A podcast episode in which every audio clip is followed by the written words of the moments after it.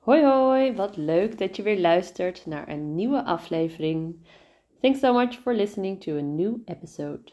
Today I want to talk about hij and him. The words he and him. Now, of course, first I want to teach you the reduced form again, so the real Dutch pronunciation of hij. And then after we'll talk a little bit about the object form hem for the words. What? Yeah, really. So the hij, for example, he has a new bike. Uh, this sentence becomes hij heeft een nieuwe fiets. Hij heeft een nieuwe fiets. Now, if the hij comes at the beginning of a sentence, we just keep it that way.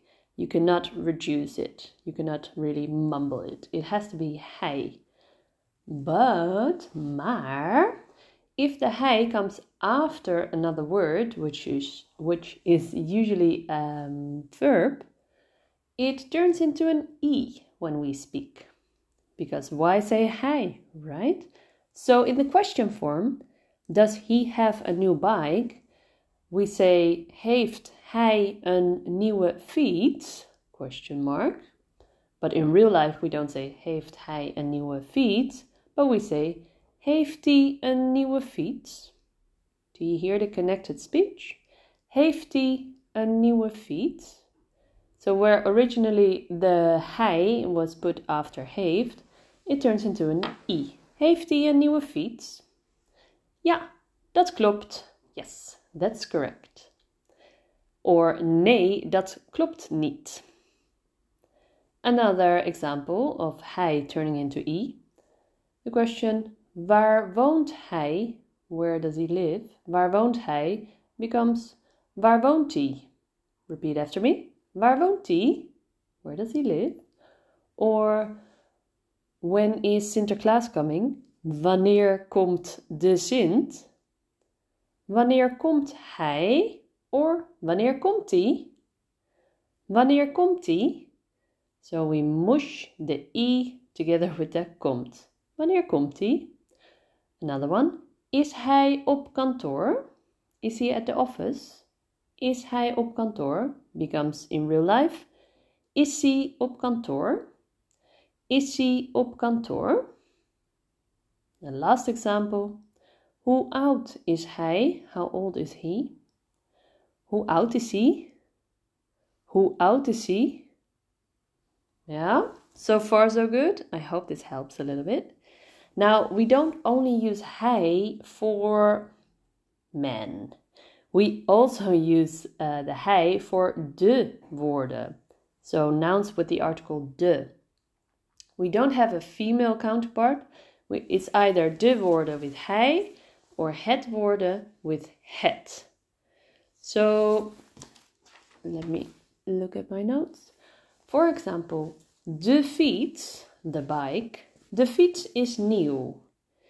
If you want to ask which color is the new bike, which color is it in English, because de fiets is a de word, we refer to it as a he. Dus, welke kleur is hij? Which color is he, literally? Welke kleur is hij? And then in real life speech, it becomes Welke kleur is hij? We connect it to the verb. Welke kleur is hij? Which color is it? Mm, hij is groen. Hij is groen. Another question. The object form for the feet uh, therefore becomes hem. Him, the object form him.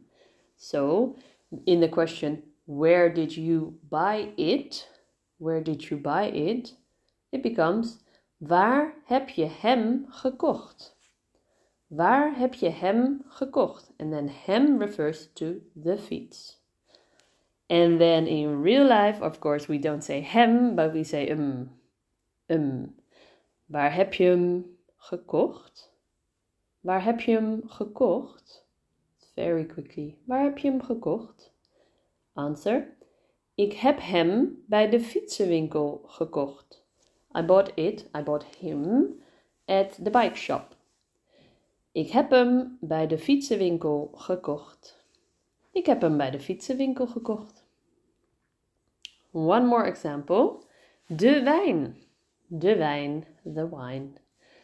If you want to say, oh, the wine is good, without saying de wijn, you can say, hij is lekker. Mmm, hij is lekker. So this could either mean the waiter is hot, but it can also mean the wine, depending on context. Okay, just so you know.